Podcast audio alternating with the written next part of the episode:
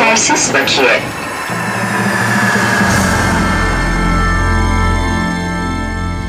Yetersiz Bakiye hoş geldiniz. Ben Yama Çokur. Serkan Çakarer. E, bu hafta da e, karşınızdayız. Söz verdiğimiz üzere üçü, üst üste üçüncü hafta e, Yetersiz Bakiye'yi kaydediyoruz. Haftanın olaylarıyla başlayalım istersen Serkan. Tamam. İzleyicilerimize geçtiğimiz hafta bir dinleyicilerimize sormuştuk bir sorunuz var mı diye. E, dinleyicilerimizden Emre Akkuş e, birkaç soru sormuş. İstersen onlarla başlayalım. Venedik yarışmasında neden yokuz? San Sebastian'da olacak mıyız demiş Emre Bey. Hı hı. Niye yokuz sence Venedik yarışmasında Serkan? Ya aslında varız yani. İki tane e, yan bölümde varız. Ana yarışma çok sert tabii bu sene. Yani geçen hafta konuştuğumuz gibi ya orada çok büyük filmler var. Onların bir kısmı Kanda ana yarışmada olması gereken filmler ve yönetmenler. Şimdi oradan tabii sekip buraya geldikleri için bir de bir yandan işte Kan'ın uyguladığı Netflix meselesini Venedik'in uygulamaması dolayısıyla Netflix'ten sadece ana yarışmada yine bir 3 tane 4 tane film var. Bunlar tabii bizim filmlerimizin orada olmasını çok zorlaştıran unsurlar. Evet biraz belki de hani seyircimizdeki beklenti şunlar olmuş olabilir. Daha önce e, genç yönetmenlerimizin yarışmada filmleri oldu. Kaan Müjdeci'nin, Emin Alper'in. Bu sene de böyle bir beklenti e, oluşmuştu. Belki bundan gelmiş olabilir. San Sebastian'da ne yazık ki herhangi bir Türk filmi yok. Sadece yarışmada değil yan bölümlerde de bir filmimiz yok. Yine izleyicimiz sizin ikinci sorusu e, film çekimi muhalif yönetmenler için finansal açıdan her geçen gün zorlaşıyor mu sorusunu sormuş. Aslında yorum yapmış galiba Tabii, evet. dinleyicimiz. Zorlaşıyor değil mi?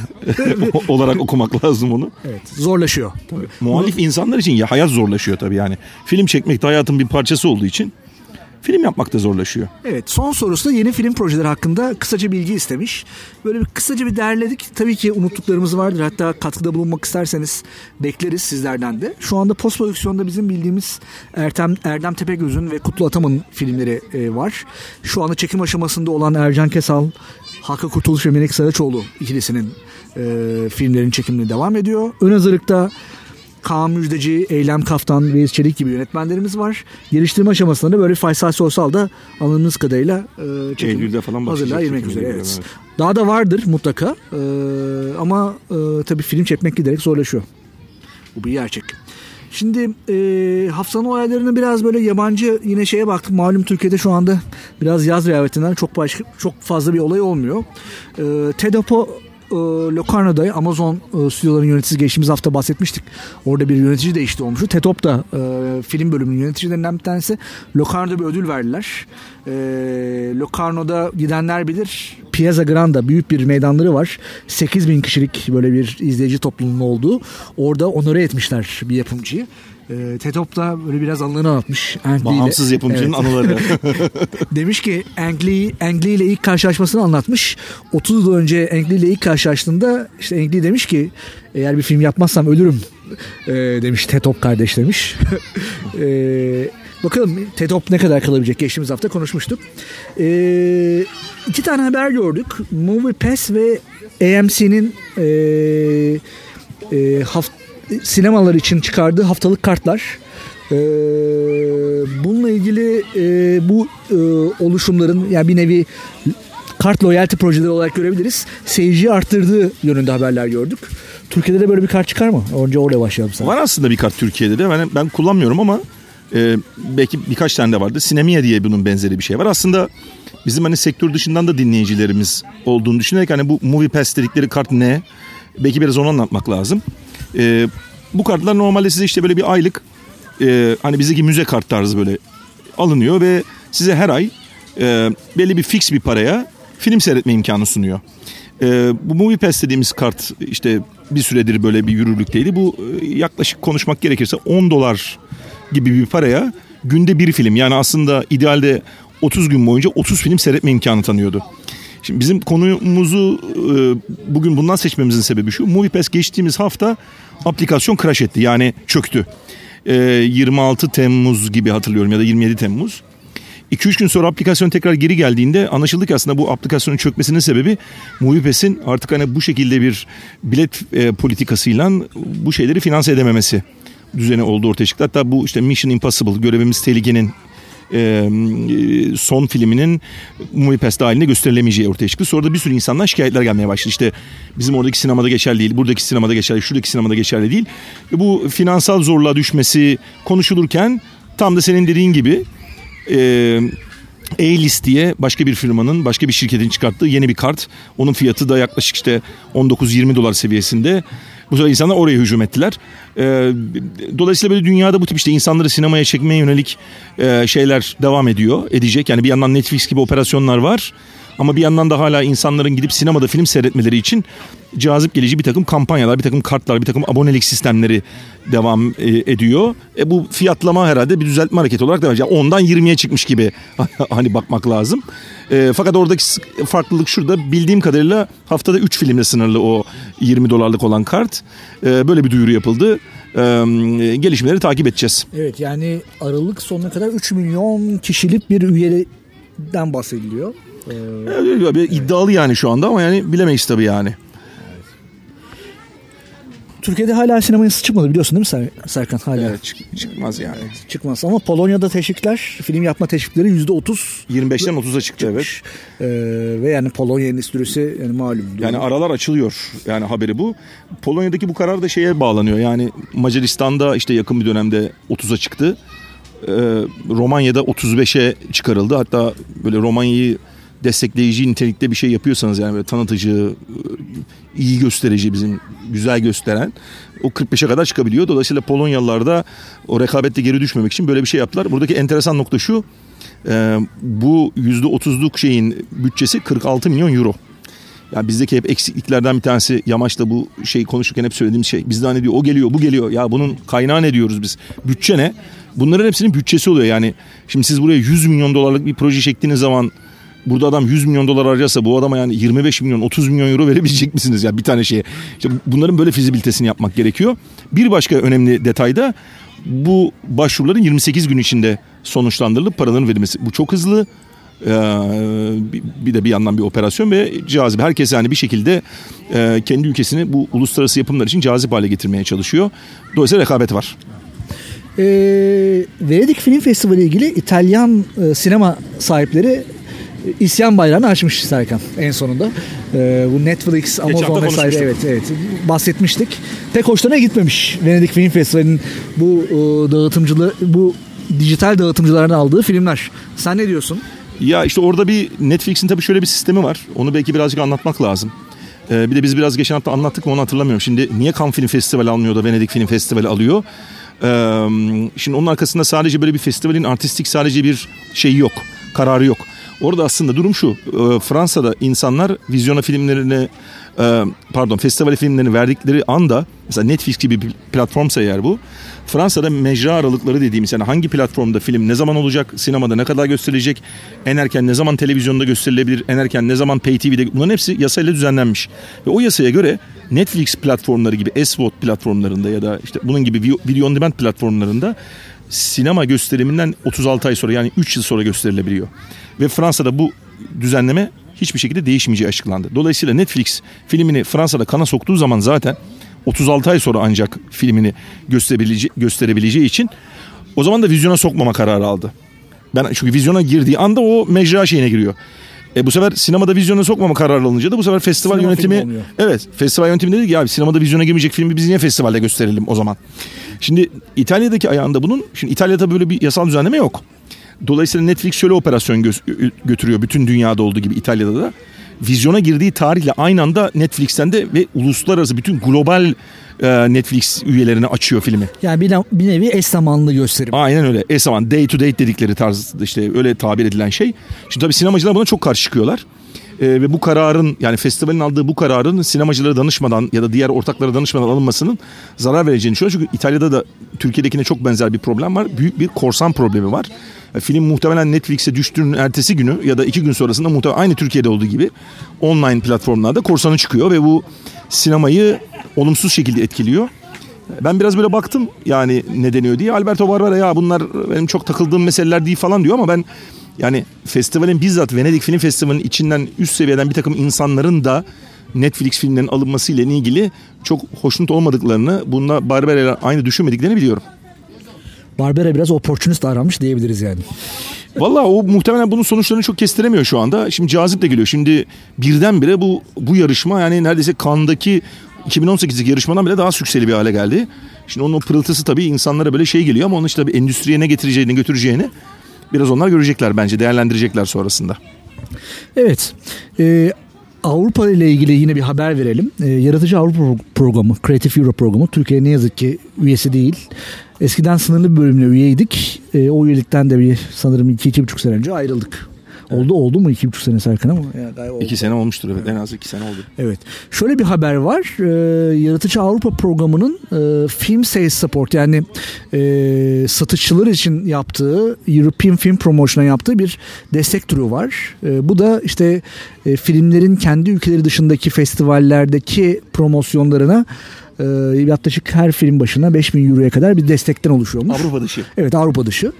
%50 kesmişler. Ee, Evet. Paralar bitmiş Niye Avrupa'da kesmiş da. olabilir Avrupa? Yani Avrupa'da da para bitmiş. Burada bir tane istisna var. O muhtemelen bütçesel bir durum hakikaten. İsviçre filmleri bundan dışarıda diyorlar. Çünkü muhtemelen İsviçre Avrupa Birliği üyesi olmadığı için Swiss Film onu ayrı finanse ediyor. Muhtemelen bu %50 düşmelerden İsviçre filmleri e, şey yapmayacakmış yani bu dezavantaj olmayacakmış. Onlar hala eski sistem devam edecekler. Çünkü galiba bütün şeyi de değiştirdiler. Onu şimdi göreceğiz yani çok yeni bir şey bu. Ee, ama iyi bir haber değil tabii. Sales agent'lar muhtemelen yani bayağı mutsuz olmuşlar. ağlıyorlardır biraz. Zaten çok ağlaklar, iyice ağlıyorlardır evet. Evet. Türkiye'den bir haberle haftanın olaylarını bitirelim.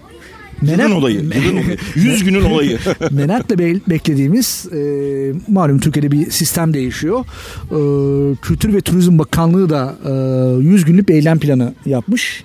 Bu 100 günlük eylem planı da Erdoğan tarafından açıklandı geçtiğimiz e, günlerde. Kültür Turizm Bakanı dahil olanı bir konuşmak istiyoruz.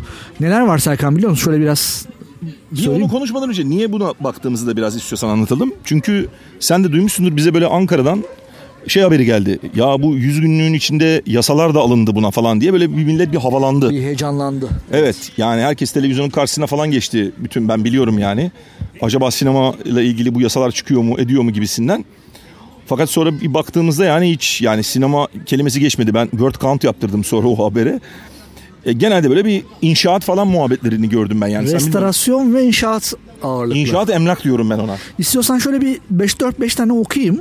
Birinci madde yıkımı tamamlanan İstanbul yıkımı tamamlanana gerek yokmuş ama neyse. İstanbul Atatürk Kültür Merkezi'nin yapım ihalesinin sonuçlandırılması. Daha ihalesi bitmemiş yani. Ama 2019 sonunda opera seyredebileceğiz orada Serkan. Evet. Belki festivalin de bir ayağı orada olur. Evet.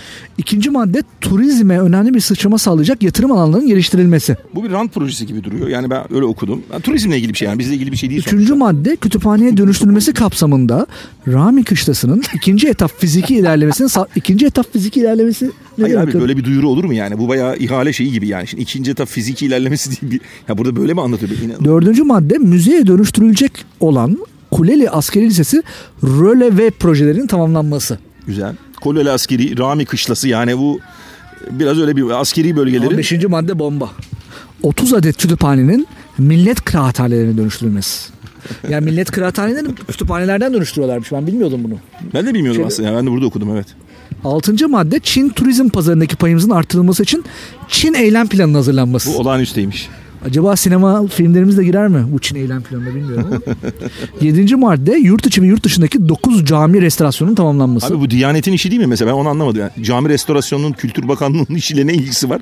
Hiç anlamadım mesela. Neyse böyle liste böyle gidiyor yani. Hani Şimdi bu akılda- listede tabii şimdi e, bizle ilgili bir tane olabilecek bir şey var orada. O da bir yerlerde ben görüyorum. Kültür endüstrisinin gelişmesi için gerekli tedbirlerin alınması diye böyle çok yuvarlak bir şey var. Belki buna giriyor. Şimdi tabii şöyle ben görüyorum genel olarak olayı. E, Şimdi biliyorsun e, bu genelde bu 100 günlük paket açıklanırken bunun ekonomiyle ilgili kısmında e, e, Cumhurbaşkanı şöyle bir şey söyledi. Yani işte yastıklarınızın altındaki dövizleri, altınları çıkarın, işte onları bozdurun ve milli bir şey yapalım. Bir kalkın kalk yani milli bir kalkınma modeli yapalım dendi. Şimdi bizim biliyorsun sinema yasamız böyle parayla pulla falan bayağı ilgili yani. Şimdi orada bir sürü teşvikler, meşvikler öngörülüyor, bilmem neler öngörülüyor. Dolayısıyla para lazım yani onu yapmak için. Muhtemelen şimdi onu buraya biz koysaydık yani yasa çıkacak falan filan o şöyle algılanabilirdi yani. Yani altınlarınızı yastık altındaki altınlarınızı dolarlarınızı çıkar onlarla film yapalım gibi, gibi algılanabilirdi. O bence biraz geri teperdi. Yani bu ekonomik tarafı bu programın zaten e, başka bir tarafta olduğunu yani ne konuşulduğunu görünce burada ben sinemanın olmamasını yadırgamadım aslında. Fakat yani burada genel olarak turizmin olduğunu İnşaatla ilgili. inşaat emlak diyorum ben ona yani. Öyle Sinemaya dair zaten kelime yok. Yani mesela müzikle ilgili yok yani. Hani bilmiyorum mesela telifti, şuydu buydu onlarla ilgili zaten bir şey yok. Sadece şöyle bir şey var en sonunda onun. 2019-2023 dönemine ilişkin stratejik plan çalışmalarının Kasım ayı sonunda tamamlanması diyor. Şimdi herhalde o stratejik planın içerisinde böyle bunlar konacak. Dolayısıyla buradan şöyle bir mana çıkar. 2023'e kadar yolu var bunun gibi çıkıyor şu anda. 2023'te mi çıkacak sinema yasası? 2023'e kadar yolu var diyorum yani. Çıkacak demiyorum Aslında çok yani. efsane olur. Sinema yasamız 100. yılında yenileniyor. Evet. Güzel değil mi? Evet ülkenin 100. yılında yeni ama o zaman işte tabii demin işte veriyoruz o haberleri abi %30'lar 40'lar uçuşuyor yani. Şimdi burada tabii nasıl olacak bilmiyorum yani. Ben bir de yani ekonomik olarak o yasanın gerçekten finanse edilemeyeceğini düşünüyorum. Ben e, yani her, her seferinde aynı şeyi söylüyorum. O yasa hiçbir kaynağı içinde barındırmayan bir yasa taslağı, dizilerin desteklenmesi, yabancı prodüksiyonların desteklenmesi, işte ne bileyim bir takım ortak yapımların desteklenmesi. bununla ilgili kaynak yok yani şu anda Türkiye'de. Bu kaynak bulunmadan o yasanın zaten çıkması bence imkansız. Bu destekler olmadığı zaman o yasa çıkarsa bence bir takım bürokratik şeyler konusunda bize fayda sağlayacak. Bizim esas derdimiz zaten mevcut destek türlerinin çeşitlenmesi, artması. Şimdi biz önümüzdeki hafta şeyin duyurusunu da yapalım şimdiden. Biz böyle çevre ülkelerdeki e, o ülkelerin sinemasıyla o ülkelerdeki sinema desteklerini karşılaştıran bir çalışma da yapıyoruz. Onu da sizlerle paylaşacağız. O anlamda yani Türkiye'de yapılan desteklerin ne kadar kadük kaldığını da göreceksiniz. Hep beraber hep beraber konuşacağız buradan. Evet. Bu hafta bir sürprizimiz var. Ee, geçtiğimiz günlerde sinema sektörü 21 meslek örgütü Antalya Film Festivali'ne karşı bir boykot kararı yayınladılar. Gerekçesi de daha önceden de konuşmuştuk. Ulusal yarışmanın Antalya Film Festivali'nden kaldırılması. Bunun üzerinde meslek örgütleri açıklama yapmadılar ve biz bu festivale gelmiyoruz dediler. Şimdi e, biz bu kararla ilgili meslek birlikleri e, bir takım sinemacılar, akil kişiler aslında hem Ankara'ya e, Kültür ve Turizm Bakanlığı hem de festivali de düzenleyen, festivalin de başkanı olan Büyükşehir Belediyesi Başkanlığı'na ulaşmaya çalıştılar. Hani yoldan geri dönün hani beraber bir hani diyalog zemini kurulsun. Ulusal yarışmada bunun bir parçası olsun. Fakat bir türlü ulaşılamadı Serkan. Yani sen de biliyorsun. Fakat yetersiz bakiye yani yılın en büyük gazetecilik olaylarından bir tanesine imza atıyor. Evet bir nevi gıyabında röportaj Evet. ayarladık yani. Evet. Menderes Türel'i bulduk ve Menderes Türel'e sorular soracağız. Ama Menderes Türel'in yerine ben yanıtlayacağım. Benim sesimi duyacaksınız. Ee, Serkan sen soracaksın soruları. Bu sorular da aslında genelde şimdi biz şimdi çok sinemanın içindeyiz tabii böyle bir ulusal yarışma kaldırıldı şu falan ama bu argümanları herkes bilmiyor gerçekten. Onları da birazcık derleyip toplayıp tekrar baştan itibaren e, soru ve cevap şeklinde bir gündeme getirelim Evet yani festival tarafını anlamaya çalışıyoruz aslında değil mi Serkan? Tabii yer yer böyle bayağı enteresan şeyler çıktı yani onları da böyle şimdi dinleyeceğiz konuşacağız. Evet yani bu e, bütün bu söyleşide kullandığımız her şey aslında basından derlediğimiz şeyler. Evet hiçbiri cümlelerin hiçbiri bize ait değil. Bunlar bayağı direkt o şahısların ağzından alınmış olan cevaplar. Hiçbir kelimesine ya da hiçbir şeyine müdahale etmedik biz. Evet, evet yılın gazetecilik olayına başlıyoruz Serkan. Evet ilk soru meşhur sorumuz. Ulusal yarışmayı neden kaldırdınız? Şimdi ulusalı, uluslararası birleştiriyoruz. Ulusal film yarışmasını kaldırmıyoruz. Öyle anlaşılıyor olabilir. Ama böyle bir şey yok. Sadece ikisini birleştiriyoruz. Türk filmleri uluslararası platformda çok güçlü bir jüriyle daha güçlü bir şekilde yarışacak. Türk sinemasını Devler Ligi'ne, Şampiyonlar Ligi'ne çıkarmak için çalışıyoruz. E bu fikir nereden aklınıza geldi? Şimdi 54 yıl önce Antalya, İstanbul ve İzmir'de bile tanınmıyordu biliyorsunuz. Rahmetli babam Avni Tolunay ve Behlül Dalı ile birlikte Antalya'nın Türkiye'deki tanıtımı için festivali başlatmıştı. Festivalin uluslararası olmasa belediye başkanı olmadan önceki hayalimdi. Bunun ilk adımını 2005 senesinde belediye başkan döneminde attım. Ulusal Film Festivalimizin yanında ilk defa uluslararası film yarışmasını da ekledim. 12 senedir bu geçiş dönemi için büyük bir gayret içerisindeyim. Ya iyi de bu kararınızı ulusal sinemanın sansürlenmesi olarak yorumlayanlar da var. Bu konuda ne demek istersiniz? Şimdi yerli filmlerin uluslararası bir yarışmada dünya sinemasına takdimi için bunu yapıyoruz. Böyle bir niyetimiz olsaydı bugüne kadar yapardıksa.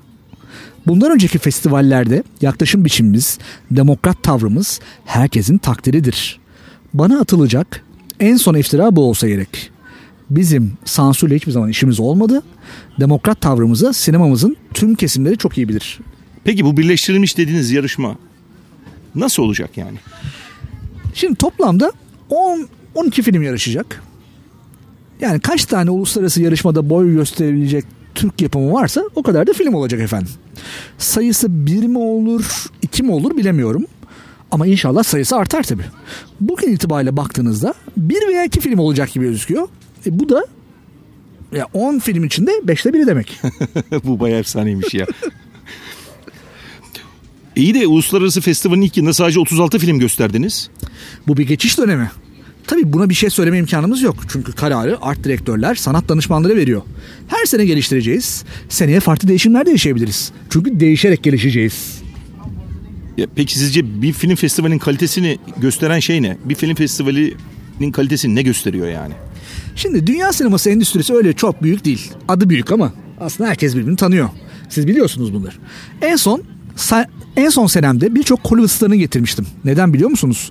Çünkü hepsi birbirini tanıyor ve gitmeden önce birbirlerine soruyorlar. Bir film festivalinin gelen ünlü yıldızlarla dünya arenasında boy göstermesi o festivalin kalitesini gösterir. Şimdi o ünlü yıldızlar diyorsunuz da biz geçen sene kortejde Darth Vader'le Minions karakterlerini falan gördük yani. Antalya halkına el sallıyorlardı. Bununla ilgili ne söyleyeceksiniz? Geleneklerimizi unutmuyoruz. Mesela dünyadaki hiçbir film festivalinin kortej geleneği yok. Dünya yıldızları ile Türk yıldızları buluşturmak suretiyle korteji yine yapacağız. Peki festivalin ismini değiştirmeye nasıl karar verdiniz? Biz ismi neden değiştirdik? Çünkü dünyadaki 452 tane film festivali arasında ödülüyle ismi aynı olan iki tane film festivali var. Biri Endonezya'da, diğeri ise bir Asya ülkesinde. Cannes Film Festivali'ne kimse Altın Palmiye Film Festivali demiyor. Ya da Berlin'de Altın Ayı Film Festivali denmiyor. Biz sanatsal, kültürel ve sportif etkinlikleri şehrin marka değerini güçlendirmek için yapıyoruz. Bütün dünyanın sinema festivalleri hep şehrin adıyla anılır. Peki geçtiğimiz sene olduğu gibi bu sene de böyle meslek birlikleri birleştiler ve bir boykot kararı aldılar. Bu konuda ne diyeceksiniz? Meslek birliklerinin en güçlüsü yani SESAM da destek kararı aldı.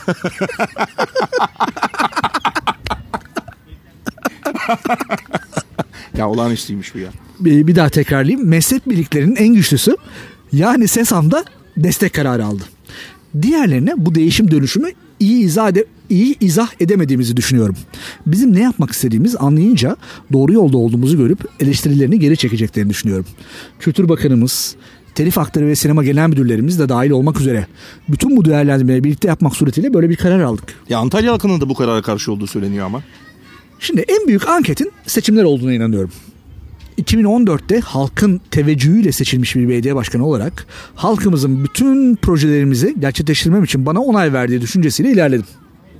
Peki çok teşekkür ediyoruz. Rica ederim. Bu sene de bekliyoruz Serkan Bey festivalimize sizi. Lütfen bakın Sesam geliyor. Sesam. Sesam geliyor evet ya. Ya çok bombaymış yani şeyler bayağı yani. Şimdi bunların tabii çoğunu ben hatırlıyorum bunların da. Şimdi hepsi alt alta koyunca tabii. Şimdi bir bunları nereden çıkardık? Menderes Bey'in e, festivalin de başkanı olan Büyükşehir, Büyükşehir Belediye Başkanı Antalya'nın e, Menderes Bey'in e, basına verdiği mülakatlardan çıkardık. Yani bunların hiçbir kelime eklenmiş değil. Menderes Bey'in verdiği röportajlar. Ama anladık mı yani sen anlayabildin mi? Neden ulusal yarışmanın kaldırıldığını? Ya ben anladım tabii canım yani anladım da yani benim anlamadığım şey başka bir şey yani normalde yani dünyada şeyi soralım yani dünyada belediye başkanının başkan olup da festivali uluslararası yaptım denen başka festival varmış. Yani o öyle şeylere bakmak lazım. Yani bu tabii bir şey bir karar yani sinemasal bir karar değil burada. Yani bunun bir kere ne olduğunu hani öyle görmek lazım. Sinemasal bir karar olmadığı için de yani sinemasal analizler yapmak buna bana çok doğru gelmiyor yani. Ben en başından beri biraz öyle düşünüyorum. Yalnız ben bu sene gidebilirim. Ya yani bu Darth Vader heyecanlandırdı. Acaba Superman, Batman, bilmiyorum kimler olur başka. E onlar da Hollywood yıldızı abi yani şimdi şey yapma Tabii yani. yani. Bence yani peki şeyde çağırsalar yani bizden ne bileyim Killing mesela gelse. bizden kim gelirdi sence? Vallahi bilmiyorum işte bir fantastik bizde de var şeyler yani fantastik şeylerden birini çıkarırlardı bilmiyorum yani. Ama o bayağı kortejde var hakikaten ben gördüm onun şeyini. Hollywood hızlı gelmiyorsa da franchising üzerinden yürütüyoruz işte. Minions karakteriyle Darth Vader sadece burada yan yana gelebilirdi bence Antalya'da. Vallahi öyle yani. Dünyada öyle bir kortej ben de görmedim. Yani orada doğru söylüyor başkan. Evet. Ay üzücü tabii yani şimdi bizim böyle bir sürü irtifa kaybetmemiz tabii yani endüstriyle ilgili falan filan. Biraz sıkıcı şimdi millet herkes işinde gücünde nasıl sinemayı geliştiririz falan diye şey yapıyor. Biz burada hala birbirimizi yiyoruz yani bir yandan da işte çok basit şeylerle ilgili zaman ve enerji kaybediyoruz. Buna kafa patlatıp buna şey yapacağımıza gerçekten sinemayı bir rant alan haline getirmektense yani nasıl buradan daha büyük endüstri haline gelir, buradan nasıl insanlar daha rahat üretim yapar. İşte dinleyicimiz sormuş. Film niye yok yarışmalarda? E nasıl olsun abi yarışmalarda film bilim yani. Filmlerimizi Türkiye'de gösterecek platform kalmıyor bizim yani şimdi. Ulusal yarışma kaldırılıyor. Televizyonların hali ortada. Festivallerin hali ortada böyle. Yani şimdi bunlar olmadan yani işte o, o festivallerde o filmlerinizi siz gösteremezsiniz. Ben şimdi sana soruyorum şimdi senin çok iyi bir filmin olsa Türkiye'de şöyle göğsünü gere gere kırmızı alılı vesaireli şunlu bunlu gidip premierini yapacaksın. Neresi kaldı ya? Var mı o Valla geçtiğimiz güvenebileceğin? sene sordu, söyleşi- yani film bir filmimiz vardı. İstediler Antalya Uluslararası Yarışmasına. Evet. Darth Vader deselerdi ben verirdim filmi. Anahtar kelime Darth Vader. Darth Vader de geliyor. Yani oradan yakalarlardı bence yani. Acayip bir şey üzücü yani ben. Bu e, boykot kararına imza atmayan da iki tane meslek birliği oldu. Görmüşsündür. Evet gördüm. Bir tanesi e, biraz önce Menderes Bey'in de söylediği Meslek gibi. bilgilerinin en güçlüsü olan Sesam en-. Evet, Evet. Sesam evet müthiş gücüyle. Diğeri de TESİAP. Evet. Bir yapımcı meslek birliği. Sen ne diyorsun? Şaşırttı mı bu durum seni? Ya geçen sene hatırlıyorum. Geçen sene galiba TESİAP imza atmamıştı. Ya da imza atmıştı boykota mı katılmış? Ama hatırlamıyorum yani şimdi ne olduğunu. Sesam'ın da niye böyle hareket edildi? Ben mesela en enteresan gelen şey Sesam'ın gerçekten e, Antalya'da durması. Çünkü aslında Antalya bir gelenek yani 50 küsur yıllık festival diyoruz. Muhtemelen şu anda Sesam üyesi olan bir sürü insan o Antalya'da daha önce işte yapımcı, yönetmen, şu bu olarak falan ödül almış insanlardır yani. Şimdi e, muhtemelen yani Sesam'ın başkanı Yılmaz abi o demin ismini saydığımız Ay, Ahmet Tolunay ve Behlül tanıyordur. Tabii şahsen. tabii onlar, onlarla bayağı böyle teşviki mesaisi olan bir adamdır. Yani en azından eski dostluklarının, arkadaşlıklarının vesairelerinin şeyine de hani ya bilmiyorsun yani kafa nasıl çalışıyor. Herkesin farklı şeyleri var tabii. Tesi yapınca başka tabii e, e, garip bir şey. E, yani ben onu da çok tasvip etmiyorum. Çünkü ya sonuçta şimdi orada ulusal festival olsaydı yani film vermeyecek miydi abi insanlar yani? Vereceklerdi yani. Şimdi şey konuşuyoruz işte film destekleri şunlar bunlar. Yani şimdi film desteklerinde sinema destekleme komisyonunda TESİAP'ın üyeleri de başvuruyor yani. Şimdi e, sinemanın bir takım endüstriyel imkanlardan istifade ediyorsan festivale katılmak gibi ya bu tip yerlerde bu kadar çekinik kalmamak lazım. Ben gene kendime bağlayarak bitireyim. Ya gene de bir ülkede ulusal yarışmanın olması ya da olmamasından ağrı olarak konuşuyorum. Bağımsız yapımcıların olmasının işte bu anlamda her anlamda önemi var. Bana biraz öyle geliyor yani. Evet. Ee, yetersiz bakiye de bu hafta kapatalım. Haftaya görüşmek üzere diyelim. İyi haftalar. İyi haftalar. Yetersiz